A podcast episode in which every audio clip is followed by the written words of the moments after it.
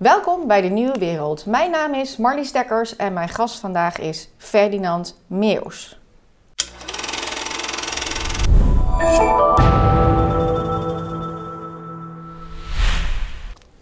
Dat heb je heel mooi gezegd, Marlies. Dank je wel.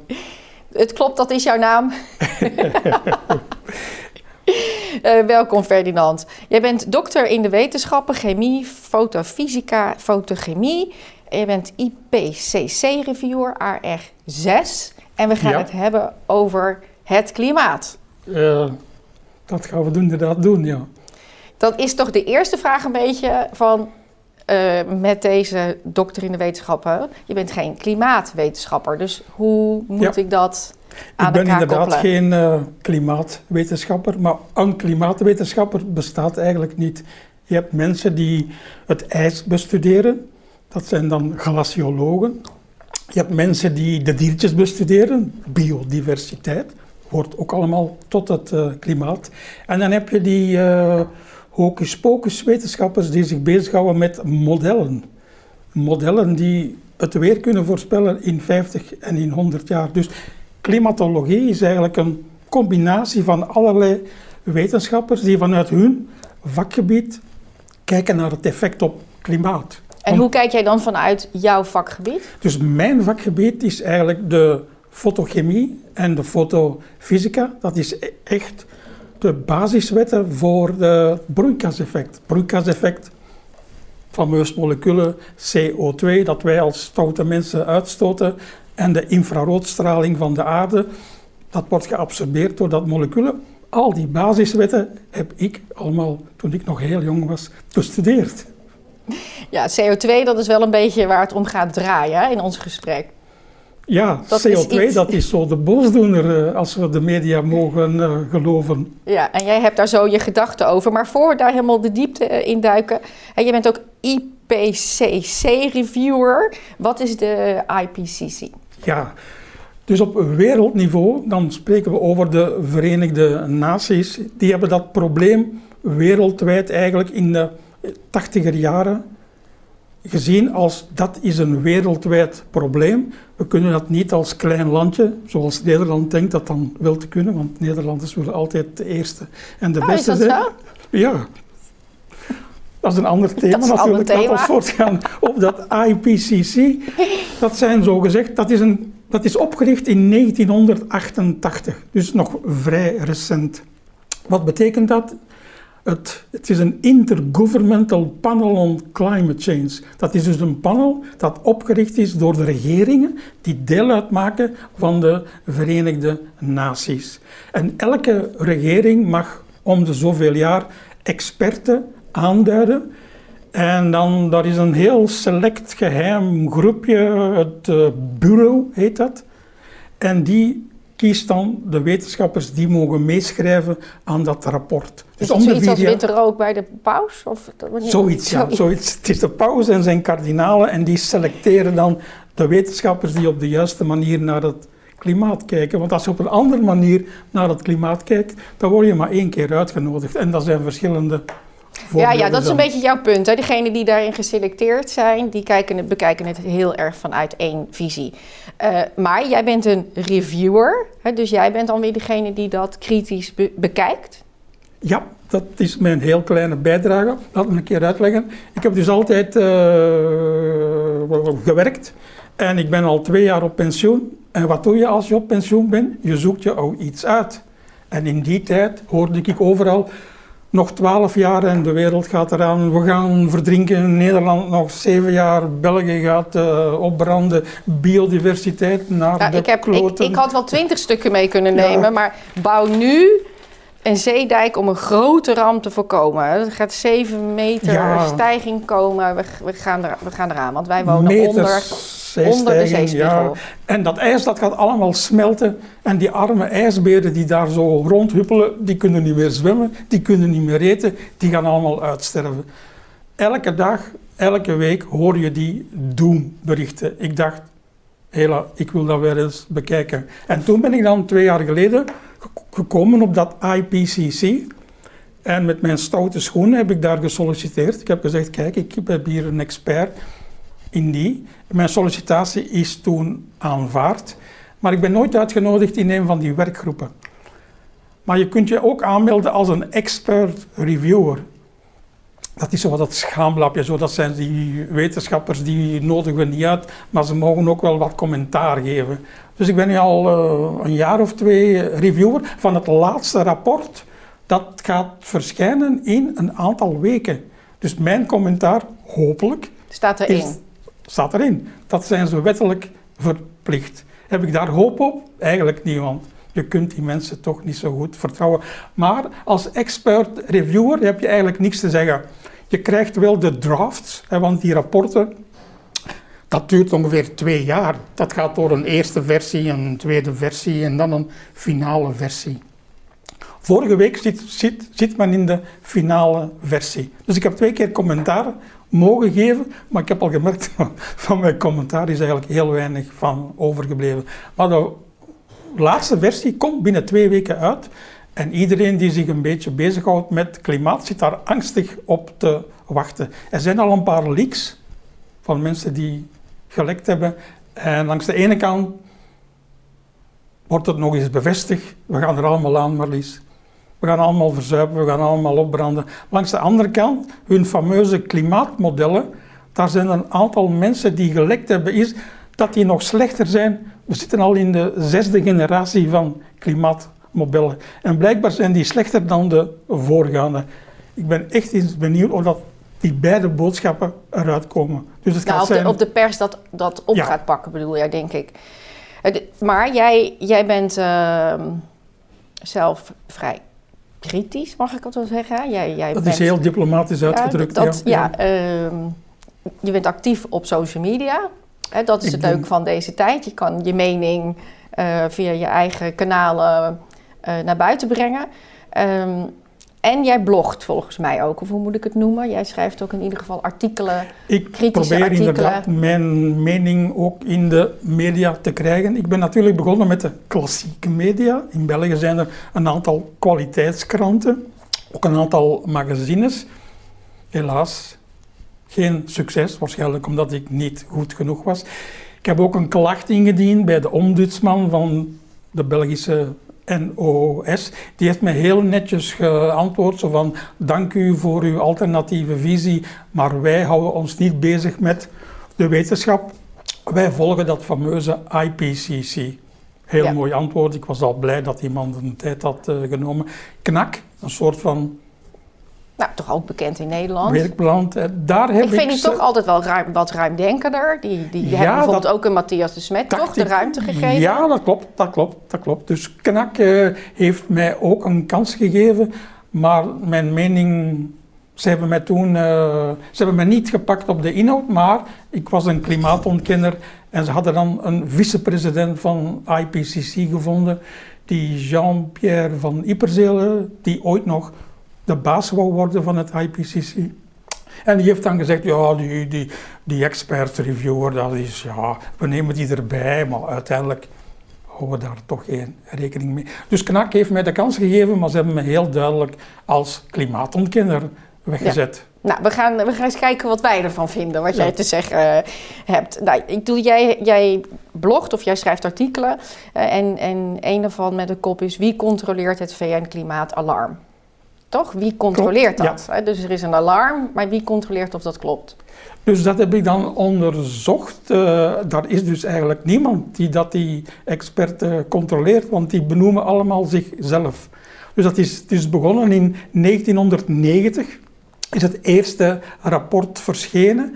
En dat zijn dus 500 of 600 wetenschappers. Die worden dan opgedeeld in verschillende groepjes. Jij houdt zich bezig met de Noordpoolijs, jij met de Zuidpool, jij met de Sahara. Dus dat allemaal in verschillende werkgroepen. En dat noemen we dan de auteurs.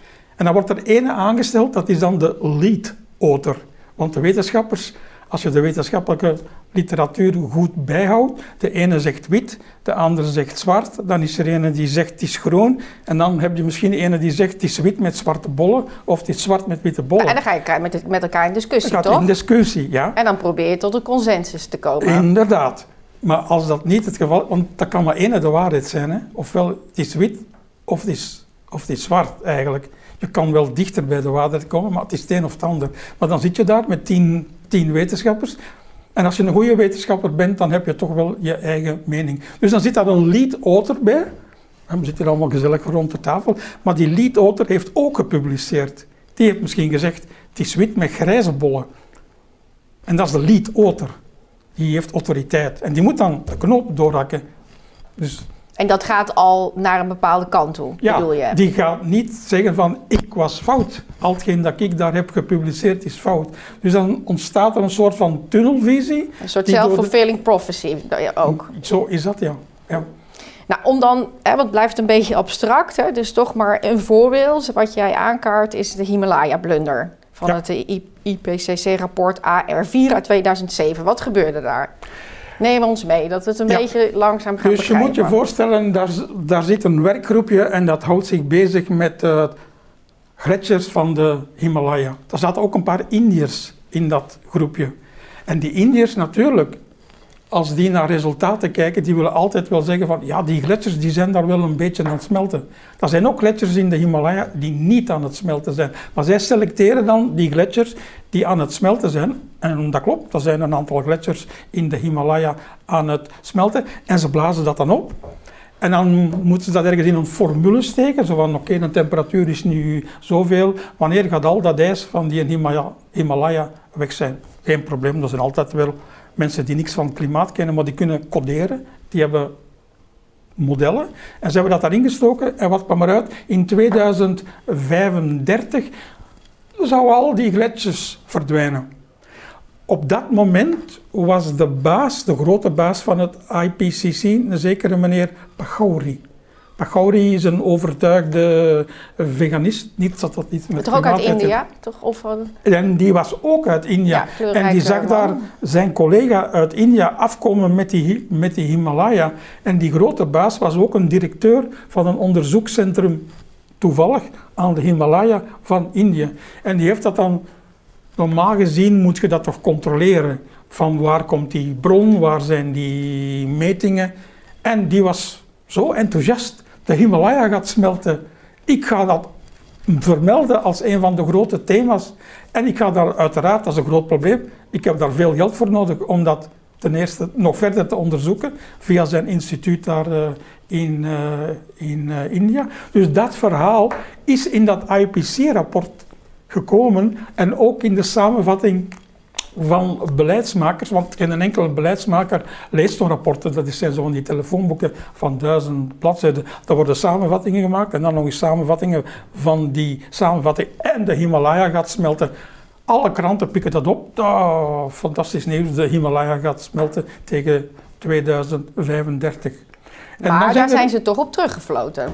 Ja, want daar waren van die experts, reviewers, die ze niet hadden uitgenodigd tijdens hun werkgroepje, maar die hadden dat wel gemerkt. En sommige van die expert reviewers hebben dan in hun commentaar geschreven van, waar is jullie wetenschappelijke bron? En wat bleek, het kwam uit een document, het kwam niet uit een peer-reviewed journal, maar uit een document van die uh, fantastische groene organisatie, The World uh, Life Fund, die dat daar zo met die pandabeer... Uh, dus dat kwam gewoon uit een brochure van zo'n groene NGO-organisatie, totaal niet peer-reviewed. Dat was natuurlijk een groot schandaal. Maar wie had dat ontdekt?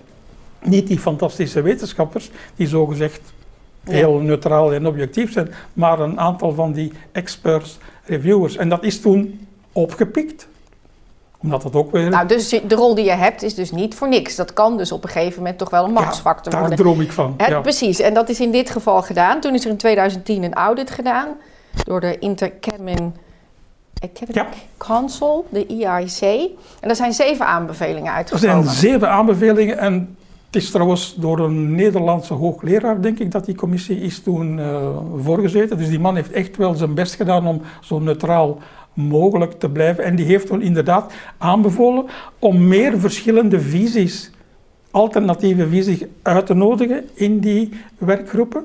Om niet die tunnelvisie om te krijgen. Om niet die tunnelvisie en dat groepsdenken te kijken. Zelfs het aanmoedigen van alternatieve visies.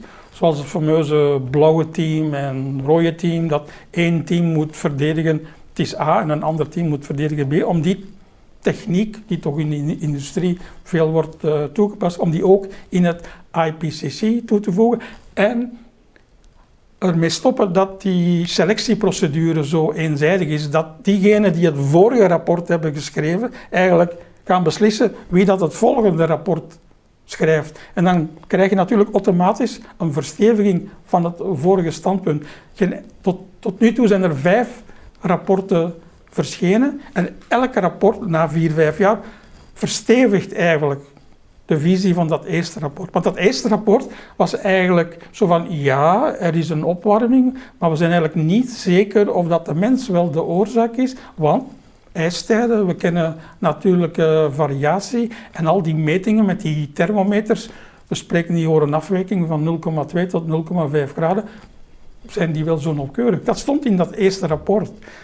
Maar in het laatste rapport stond er gewoon in, ja, we zijn uh, bijna 100% zeker, uh, het is de mens uh, die dat... ja, want in een van die zeven aanbevelingen is er ook van, ehm, neem de fluctuaties van de natuur zelf ook mee, toch? Ben wat nederiger naar wat de natuur zelf...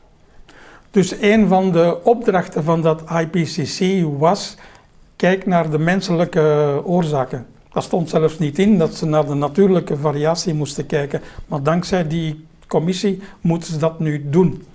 Maar nu moet je vragen, en hebben ze dat gedaan? Ja, ja ik heb me dus kandidaat gesteld. Nou, jij hebt het gecontroleerd. Ja, ik ben oh, niet uitgenodigd. Oké, dus jij zit ook af te wachten op dat rapport? Ja. Ik heb wel zo de drafts mogen lezen als expert reviewer en ik heb godzijdank commentaar mogen geven. Ja, maar het totaal moet jij nog, nog gaan zien. Wanneer, vanaf wanneer zijn we ons zo op dat CO2 gaan focussen? Wanneer is dat ergens in onze samenleving gekomen dat we zoiets hebben van uh, klimaatverandering komt door menselijk gedrag en door CO2-verhoging? Waar, waar is dat ontstaan, dat, die, dat gedachte? Ja, dan moeten we eigenlijk al teruggaan tot de 17e, 18e eeuw toen had men al een idee dat uh, CO2, dat wij trouwens uitademen, ja. 4000 ppm, dat wij hier constant uh, aan het uitademen zijn, dat dat eventueel een effect zou hebben op het klimaat. Dus dat idee speelde al wel, maar niemand had zich daar echt mee bezig gehouden. Tot, en dat is een heel het alarm, het klimaatalarm is ontstaan in 1988 eigenlijk. Een samenspel tussen James Hansen, een Amerikaanse onderzoeker, en Margaret Thatcher, een sterke vrouw die zich daar ook heeft mee. Ja, zij heeft daar toch echt een grote rol. Zij heeft het ook een beetje slim gespeeld, toch? Zij wilde dat is een zijdiscussie. zij wilde een kolenmijn sluiten. Maar ik, ik hang aan je lippen, ja. Dus in 1981 was er een hele intelligente wetenschapper en die werkte voor de NASA. Nu moet je weten, de NASA, normaal gezien, stuurt die mensen naar de maan. Maar in 1988, ze waren er al twee, drie keer uh, geweest. Niemand was nog enthousiast om daar nog eens iemand naartoe te sturen. Die zaten daar met een enorme hoeveelheid van wetenschappers, ingenieurs, technologie, satellieten. Maar die hadden niks meer te doen, hè? want niemand, ook de gewone Amerikaan, de maan, oké, ja, zijn we geweest. Daar zijn we geweest, hè. En naar Mars, naar Mars, dat kostte veel te veel geld. Dus het congres wou niet echt nog een paar extra biljoenen geven. Dus die James Hansen heeft dan een aantal artikels ontdekt waar dat CO2 een broeikasgas is. En die slimmerik is toen gaan vertellen dat hij bijna 99% zeker, nu voor de wetenschappers, eer dat hij zegt dat hij 99% zeker is, dat is al een hele speciale mens. James Hansen is erin geslaagd om het congres, het Amerikaanse congres, daar zitten al die gedegen, goed opgevoede senatoren in, met nog wat lokale parlementsleden. Die is erin geslaagd en heeft dat gedaan in juni, ik weet dat, in juni, en het was daar snikheet. En een van zijn medewerkers, we zeggen boze tongen, heeft de airco afgezet. Dus al die mensen zaten daar te zweten en die man kon zeggen... Klimaatverandering. Klimaatverandering en de schuld is de CO2. En het was toen een hittegolf ook. Dus hij heeft daar direct op ingespeeld. We moeten daar echt iets aan doen. Ik weet nog niet genoeg, dus geef me wat extra budget. Ik ben hier een directeur van de NASA. We gaan dat voor jullie oplossen. Maar we hebben niet veel tijd meer. En als we het nu niet doen, dan gaat het later veel meer geld, kosten. En die kon dat zo overtuigend vertellen dat hij daar inderdaad een budget voor heeft gekregen. En dan en Thatcher? En Thatcher, ja, Thatcher, u kent Thatcher, is een sterke vrouw. Dus die heeft daarop ingespeeld. Thatcher had een aantal steenkoolmijnen Ja. gesloten, al, al gesloten. Ze was niet meer zo populair meer, als we dat zo zeggen. En van waar komt die CO2? Steenkool. Oeh, steenkool. Dus ik denk dat Thatcher, maar we kunnen niet in het hoofd van Thatcher kijken, dat Maar zij, dat wordt wel gesuggereerd, hè? Dat- het- door boze tongen wordt het gesuggereerd dat zij die link heeft gemaakt. Ik moet hier nog een aantal steenkool, steenkoolmijnen Sluiten. sluiten en ik ga daar echt miserie mee krijgen. Het zijn ook mijnkiezers. Hè.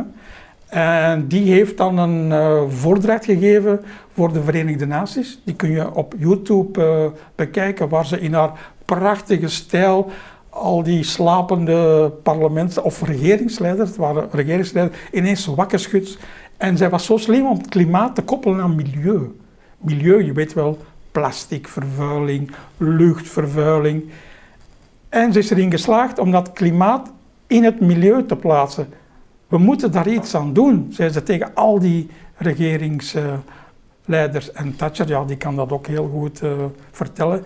En ze heeft toen ook meteen gezegd, ik als United Kingdom ga zoveel miljoenen ponden geven aan een nieuw op te richten onderzoeksgroep.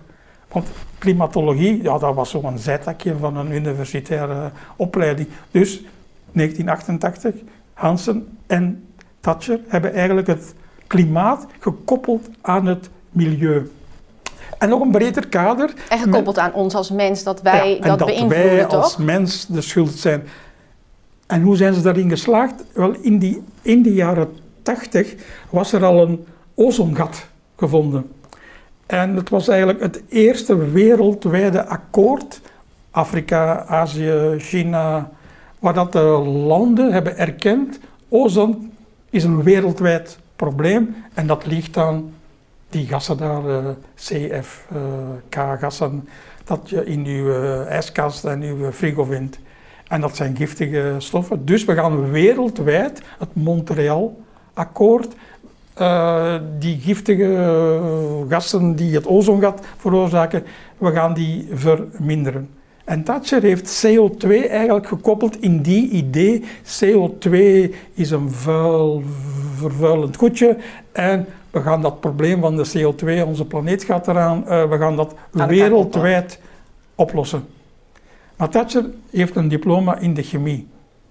En zij moet ook geweten hebben dat CO2 dat dat helemaal geen giftig of vervuilend goedje is. Want als je een biertje drinkt, dan zit 8000 ppm CO2 in. En het alarm gaat over dat de CO2 van 300 ppm naar 400 ppm is gestegen. ppm, wat is dat?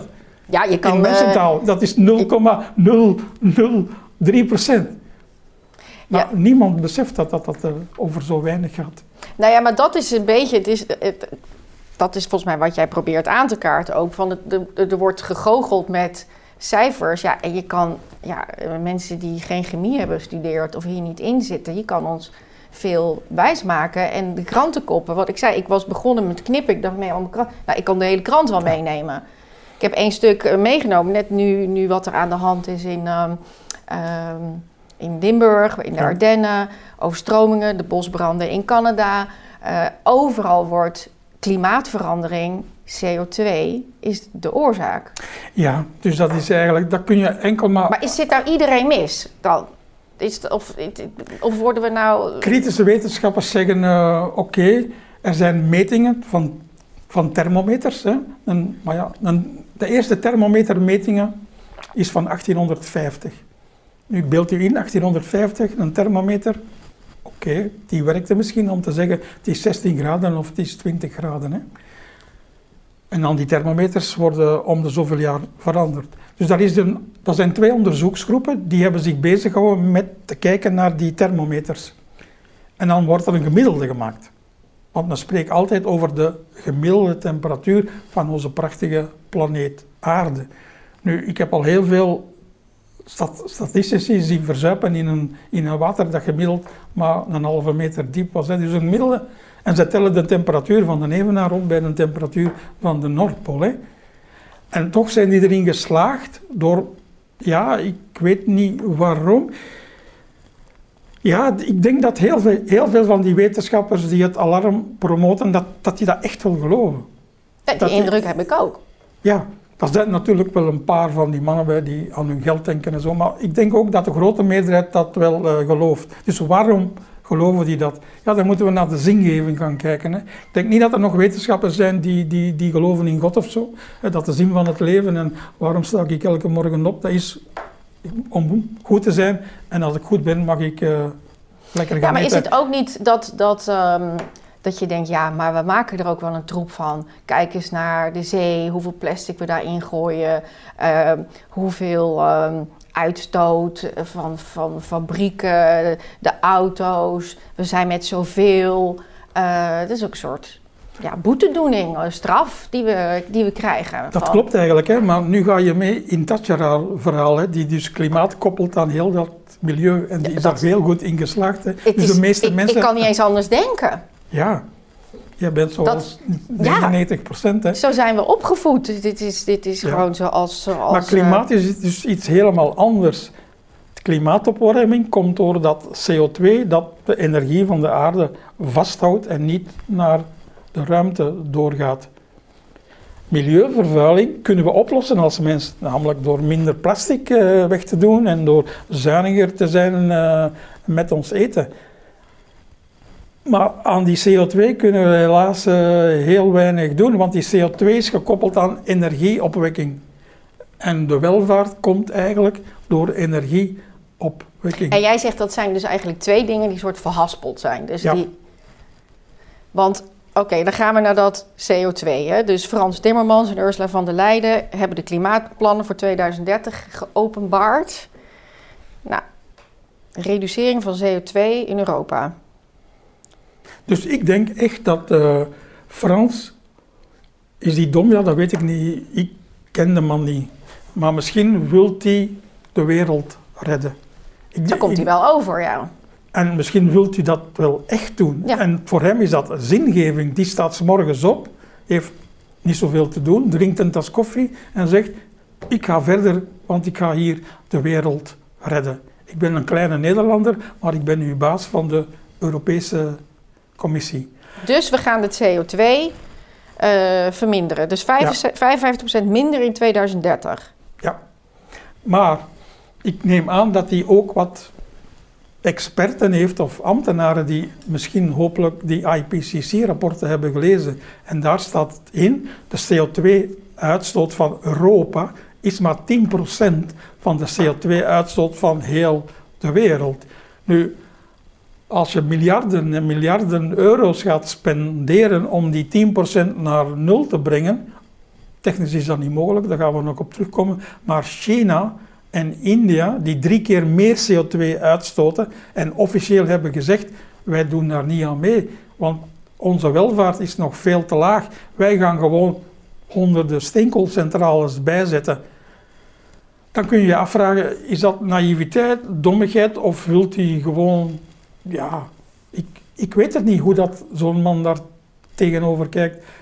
Je kan maar 10% van de wereldwijde uitstoot in Europa verminderen. Dat gaat u miljarden en miljarden kosten. De mensen gaan dat allemaal moeten gaan betalen.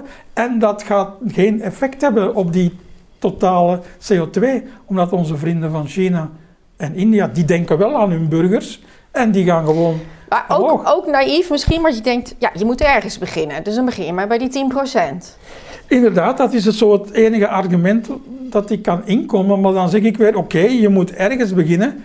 Maar zou het dan niet beter zijn dat je eerst met China en India gaat samenzitten en dat die dan ook zeggen van, dat ze meedoen. Want als die niet meedoen, dan kun je wel beginnen, maar het heeft geen resultaat. Dat is gewoon het geld maar stel van voor de burgers dat, stel. Voor dat die wel mee zouden doen doet het dan iets voor het klimaat? Ja, dan zijn we natuurlijk bij de basisdiscussie. Hè. Volgens die wetenschappers van het IPCC wel. Hè, die denken echt dat uh, CO2 een soort van regelknop is om de chauffage te regelen. Dan is er een groep van wetenschappers waar ik toe behoor, een minderheid, maar wij hebben de basiskennis. Dus als ik nu ergens ga uitrekenen wat is het effect van. Dus CO2 is inderdaad een, een broeikasgas. Ik ben geen klimaatontkenner. CO2 absorbeert uh, uh, infraroodstraling, heb ik zelf tijdens mijn studies kunnen meten en vaststellen. Maar als je dan gaat meten hoeveel dat is, dat is ongeveer, excuseer, 3 watt per vierkante meter. Denk dan een lamp, een lamp van 60 watt. Dat is 3 watt per vierkante meter. En daar is het IPC ook mee akkoord. Dus ergens in die rapporten staat dan 3,6 of zo. Dus dat is 3 watt per vierkante meter.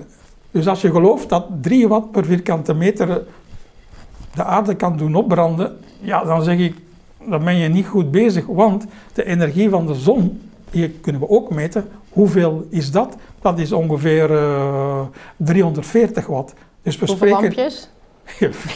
Ja, dan moet ik mijn calculator doen. Dus. Dus, en dat zijn allemaal feiten. Hè? Dus iedereen is erover akkoord, ook het IPCC. De energie die van de zon komt is 340 en het broeikaseffect is 3. Dat is 1% verlies. Ja, dan ben ik sceptisch en dan zeg ik, als jullie geloven dat een modulatie van 1% heel dat klimaat kan onderhandelen, oké, dan ben je bezig met een geloof. Hè? Je hebt daar geen bewijs voor. Hè? Maar die discussie hoor je, hoor je niet. Dat hoor je nergens. Nou, wat je wel hoort in Nederland, jullie hebben kern, uh, kernenergie nog. Uh, dus die alternatieve energie die dat moet, dus moet gaan oplossen, is, is bij jullie een deel als kernenergie. Wij hebben die biomassa uh, als schone energie, maar best omstreden. Maar ik lees dus dat die heeft ook CO2-uitstoot, alleen we berekenen dat niet of we berekenen dat anders. Dat heb je heel goed gelezen. Hè? Dus als je nu gaat kijken, uh, Europa, wat zijn nu de maatregelen om klimaatneutraal heet dat dan, hè? of zero, weet ik veel, uh, neutraal. Dus Nederland gaat van het gas. Hè? En jullie gaan gewoon houtstook doen. En, en, inderdaad, houtstook, de CO2 die dan per energieeenheid wordt uitgestoten, is groter dan steenkool. Maar de slimme Frans heeft met zijn boekhouders afgesproken, we gaan dat niet meetellen. Je moet dat niet rapporteren. Dus iedereen die hout hm? Iedereen die hout doet, wordt niet meegeteld. Nee, maar ik als ik thuis wat uh, hout uh, stook, dan weet iedereen dat is best vervuilend. Ja, maar volgens Frans en boekhouders niet. Dat telt gewoon niet mee. Dat dus... telt niet mee. Maar hoeveel is het in het echt? De Nederlandse hernieuwbare energie is voor twee derde op basis van biomassa. Dus dat is echt volksverlakkerij. En jullie uitstoot is meer dan de steenkoolcentrales die jullie hebben gesloten. Maar jullie moeten het niet rapporteren. Want die uitstoot wordt niet gemeten. Die wordt gerapporteerd op basis van jullie hebben zoveel steenkolen verbruikt of zoveel olie. Dat zijn allemaal statistieken van en boekhouders en zo. Maar jij zegt je kan beter in, in steenkolen, uh, steenkolen verbranden voor energie. Dat is minder slecht Nee, als je kunt kiezen tussen uh, gas, gas is beter dan steenkool. Dus, uh, dus we hadden eigenlijk een schone energie, in ieder geval schoner dan nu. Ja, met jullie gas. En wat, en wat gaan we in België doen? België zijn altijd slimmer, hè? Wij gaan gewoon drie gascentrales bijbouwen, Marlies. Ja, ja. dat is recent. Ja. toch? ja, want onze minister van uh, Klimaat en Energie is van de Groene Partij. En die zijn zo, hè? Dus uh, die hebben besloten om die klimaatneutrale kerncentrales, oeh, kerncentrales, om die te sluiten. En gas? En die gaan gewoon gas. Maar jij zegt zelf, maar gas is ook schoner. Dan steenkool, maar niet dan. Uh, dus je hebt. Uh, Oké, leg, leg even uit. Dus je hebt, wat is het meest vervuilende? Houtstook is het meest vervuilend, maar wel best gezellig hè, als je barbecue doet. Dan heb je bruinkool. De Duitsers zitten nog met een beetje bruinkool. Dan heb je steenkool. Dan heb je gas. En dan het klimaatneutrale, wat bijna geen CO2 uitstoot, is kernenergie. En de helft van de Belgische energie kwam van die zeven centrales. En Groen gaat die gewoon sluiten en ze gaan drie gascentrales bouwen. Dus ik probeer via sociale media iedereen te vragen van, ja maar hey, geloven jullie niet meer dat CO2 slecht is? Want je gaat klimaatneutrale kerncentrales sluiten en die vervangen door drie uh, gascentrales. Maar ik heb nog nooit antwoord gehad van de minister. Ja. Maar doe je ze dat nou om te confronteren met hun eigen geloof? Want voor jou is het prima dat, dat gas, gascentrales erbij komen, toch? Ja, het is dus gewoon het is te wijzen op hun Op te wijzen op hun eigen geloof. Van, want jij hebt zoiets, ja, het, het, is, het is prima om zo'n uh, gascentrale te openen. Dat, dat, dat klopt, ja. Dat klopt, ja. Het is om zo'n beetje te jennen. Beetje, beetje te jennen. maar ik krijg nooit antwoord, dus ja. Oké, ik rij zelf elektrisch. Maar dat ging, uh, ging ook. Uh, was jij ook heel kritisch op in jouw, uh, een, in jouw post? Hybride of 100%? Ja, nee, natuurlijk de Tesla. Ja, Tesla is een heel mooie auto. ja, ik moet die toch wel teleurstellen, ja, ja, ja, ik geloof het ook. Dus ja. sla me maar om mijn oren. Waarom is dat dan niet goed? Ja, dus Tesla, een mooie auto, een batterij van 100 of 150 kilo. Hij, dat hij trekt lekker snel op. Ja, ik, ik heb er al in gezeten, dus ik heb er al in gezeten. Dus, uh, maar ja, jij moet op een gegeven moment tanken, hè, want hoe lang gaat jouw batterij mee? Oh. Ik heb hem al vijf jaar, dus een beetje, dus het is um, nog zo'n 300. 300. Kilometer? Ja. Hm. Ja, dan moet je tanken. Ja. En waar komt die elektriciteit vandaan? Ja, een deel van... Van jullie biomassa-centrales. ja, nou ja, we hebben toch ook een deel van die molens en zonne-energie? Ja, dat is, ik kan het u zeggen, ik heb het opgezocht, dat is 3 à 4 procent van jullie elektriciteit komt van uh, de molens. Als er wind is, ja oké. De zon, ja, die schijnt s'nachts niet, hè. En als het slechte weer is, dat ook. Dat is maar in Nederland 3 à 4 procent. Maar dan denk je, oké, dan moet dat veel meer. Nee, dat is in Duitsland heeft dat ook al veel meer, dan moet je dat veel meer doen. Juist. Er zijn dus berekeningen gedaan, als jullie dat willen optrekken naar 70, 80 procent, dan staat heel Nederland vol met uh, windmolens. Omdat die zo weinig energie opwekken en je moet er zoveel plaatsen en je moet die dan nog koppelen met een draad, want anders gaat die energie uh, weg. En opslaan. En je moet natuurlijk drie keer zoveel van die molens zetten om dat op te slaan, want de helft van de tijd heb je niet voldoende wind. Hè. De helft van de tijd uh, is er geen zon. Dus dat kostenplaatje wordt altijd maar groter en groter en je hebt er de plaats niet voor. In nou, en maakt veel lawaai. Mensen worden steeds uh, meer mensen worden er ziek. Het is ook niet goed voor de biodiversiteit. Poetin, je kent die hele slimme president van Rusland. Die af en toe op een paard zit met een Ja, zijn paard zit, een mooie borst, een sterke man, een echte leider. Eh. Die heeft zelfs gezegd, windmolens is niet goed voor de biodiversiteit. En hij heeft zelfs een Russische... Op wat voor manier moeten we dat dan zien, dat dat niet goed is voor de biodiversiteit? Poetin heeft dat laten onderzoeken. Het schijnt door die trillingen gaan de wormen daar rond de weg. En wormen, ja, dat is zo'n hele keten. Hè. Je hebt wormen en insecten en vogels. En dat zijn natuurlijk wieken. Ja, dat is voor de een vleesgehakte ja. dingen. Hè. Dus Poetin zegt, Rusland en windmolens, wij doen niet mee. Ja, die wil zijn gas natuurlijk verkopen. verkopen. Ja, die heeft ook wat te verkopen. Maar goed, hoe gaan we het dan doen? Want we, we moeten 55 procent uh, uh, terug. Ja. En uh, we zetten in op zon en op wind. Wind en Want kernenergie wordt niet genoemd, Ik weet toch? niet, ik denk, ik denk dat in Nederland een aantal slimmeriken hebben toch zo de discussie open gedaan. Hè? Zeker Plaskerk of zo. Die, die, ja, ja, ja, klopt. Die heeft de Nederlanders toch ook laten zien van... Sorry jongens, met zon en wind gaan, gaan we niet halen. Uh, niet halen. Uh, kernenergie is eigenlijk een heel goede oplossing. Maar jullie zijn ook een beetje... Jullie hebben nog één oude centrale, ja, Maar wat vind jij ervan? Ik doe die opslag, uh, daar ja, zijn we natuurlijk opslag. allemaal bang voor. Ja, inderdaad. Dat, dat, klopt. Dus elke energie heeft voor- en nadelen. En een van de nadelen van kernenergie is opslag. Er zijn een aantal wetenschappers die zeggen van oh, Ferdinand, je moet je geen zorgen maken over die opslag. Frankrijk uh, staat vol met kerncentrales, ook in Finland. En zij zeggen dat de beste opslag een soort van geologische mijn is. Die moet dan goed onderzocht worden dat die stabiel is. Maar inderdaad, daar, daar, is een, daar is een discussie over. Maar laten we terugkomen naar uw batterij van uw oh, Tesla. ik dacht ik heb een beetje... nee, nee, nee. nee. Dus als je het, je Tesla bijtankt mm uit het stopcontact, mm dan is dat fossiele maar liefst, sorry hè. Dat is 80 tot 90 procent fossiele brandstoffen dat er in uw Tesla gaat. Hè. En dan de batterij. Nou ja, kijk, toen ik hem aanschafte, toen vroeg ik dus ook diegene bij die showroom en gebeld. Ik heb daar best wel werk van gemaakt.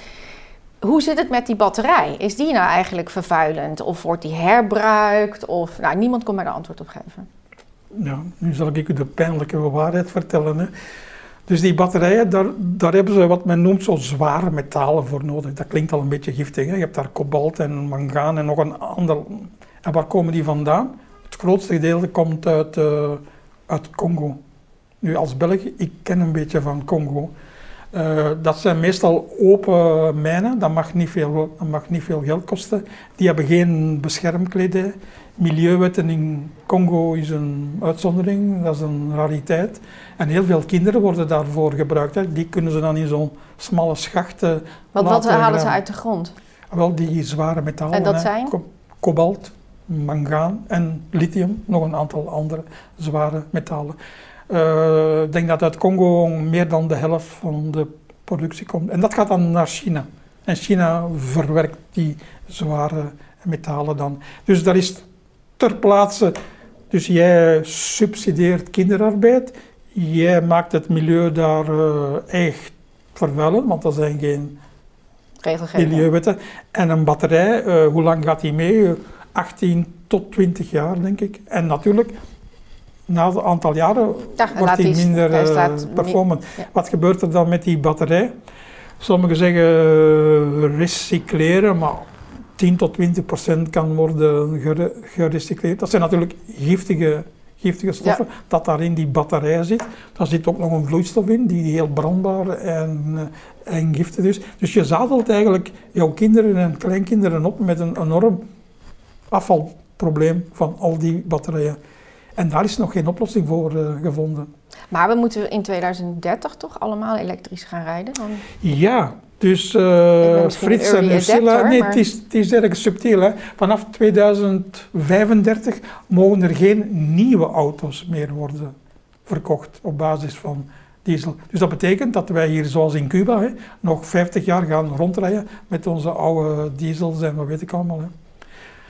Maar ik denk niet dat die plannen er ooit gaan doorkomen. Ik denk nu dat, want het zijn nog altijd plannen, die komen van mensen die in een groene bubbel, groene bubbel uh, leven, totaal van de pot gerukt, denken dat ze de planeet gaan redden.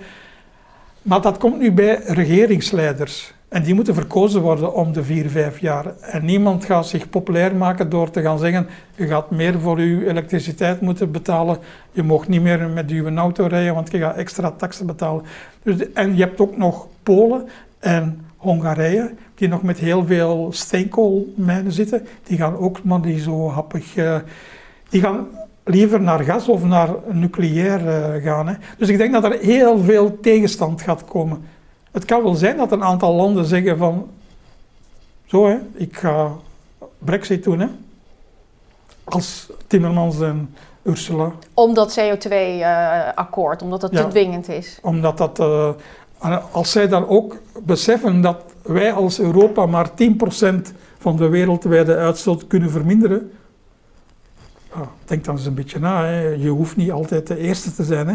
Wacht dan, China heeft de grootste uitstoot. Laat die beginnen. Hè. En India heeft de tweede grootste uitstoot. Maar een keer zijn die fossiele brandstoffen ook op. Ja, dat klopt. Dus we moeten toch ergens ook weer, misschien heel naïef weer, maar ergens beginnen van we moeten ook nadenken. Ja, ja, zeker. Hoe kunnen we het dan op een andere manier doen? Dus, dus daar gaat nu miljarden subsidie in. Dus je zou kunnen nee, nee, zeggen... Er gaat geen miljarden subsidies in fossiele brandstoffen. Dat is nee, maar wel in hoe lossen we het CO2-probleem op. En misschien oh, vanuit ja, dat ja. komen er toch nieuwe technische oplossingen. Dat is maar toch de promise? Ja, ja, zeker. Dat is een heel goed, uh, heel goed punt. Maar daar is dus een oplossing. Hè? Daar is dus een betrouwbare energiebron die 24 uur beschikbaar is, zeven dagen in de week en nooit op vakantie gaat. Hè? Dat is kernenergie. Hè? Dat, is, dat is de oplossing. Als je dan de juiste technologie selecteert om het afval te stoppen. Dus de oplossing is daar. Die is klimaatneutraal. Er, er, is zelfs een onderzoeksgroep op Europees niveau, die heeft een rapport ingediend aan Timmermans, waarin dat ze zeggen dat de voor- en de nadelen op het gebied van milieu en zo, van kernenergie, op gelijke voet staat dan gas en steenkool. Maar Timmermans, Timmermans heeft een soort van subsidielijst. Hè. Als, je, als je investeert in dat, dan krijg je geld in dat en dat. Maar kernenergie staat niet op die lijst. Nochtans, daar was dat rapport om kernenergie daar ook op te zetten. Dus ik denk dat de discussie vanuit Polen en Hongarije ook zal gaan zo van... Meneer Timmermans, kernenergie, klimaatneutraal, geen CO2-uitstoot. Waarom zet jij dat niet op uw lijst, dat wij daar subsidies voor krijgen? Dus die discussie gaan ze zeker voelen, voeren. En Frankrijk met zijn gele hesjes en Italië met die rechtse regering die ook de technische rapporten leest, die gaan ook zomaar niet hun burgers uh, belasten op alles dat ze doen. Hè. Dus ik denk dat er heel veel weerstand gaat komen. En ik denk en ik hoop dat die, dat die plannen niet worden uh, omgezet. Nou, het is een, een heel verhaal om te verwerken. ik vind je altijd ontzettend bedankt. Graag gedaan, Marlies.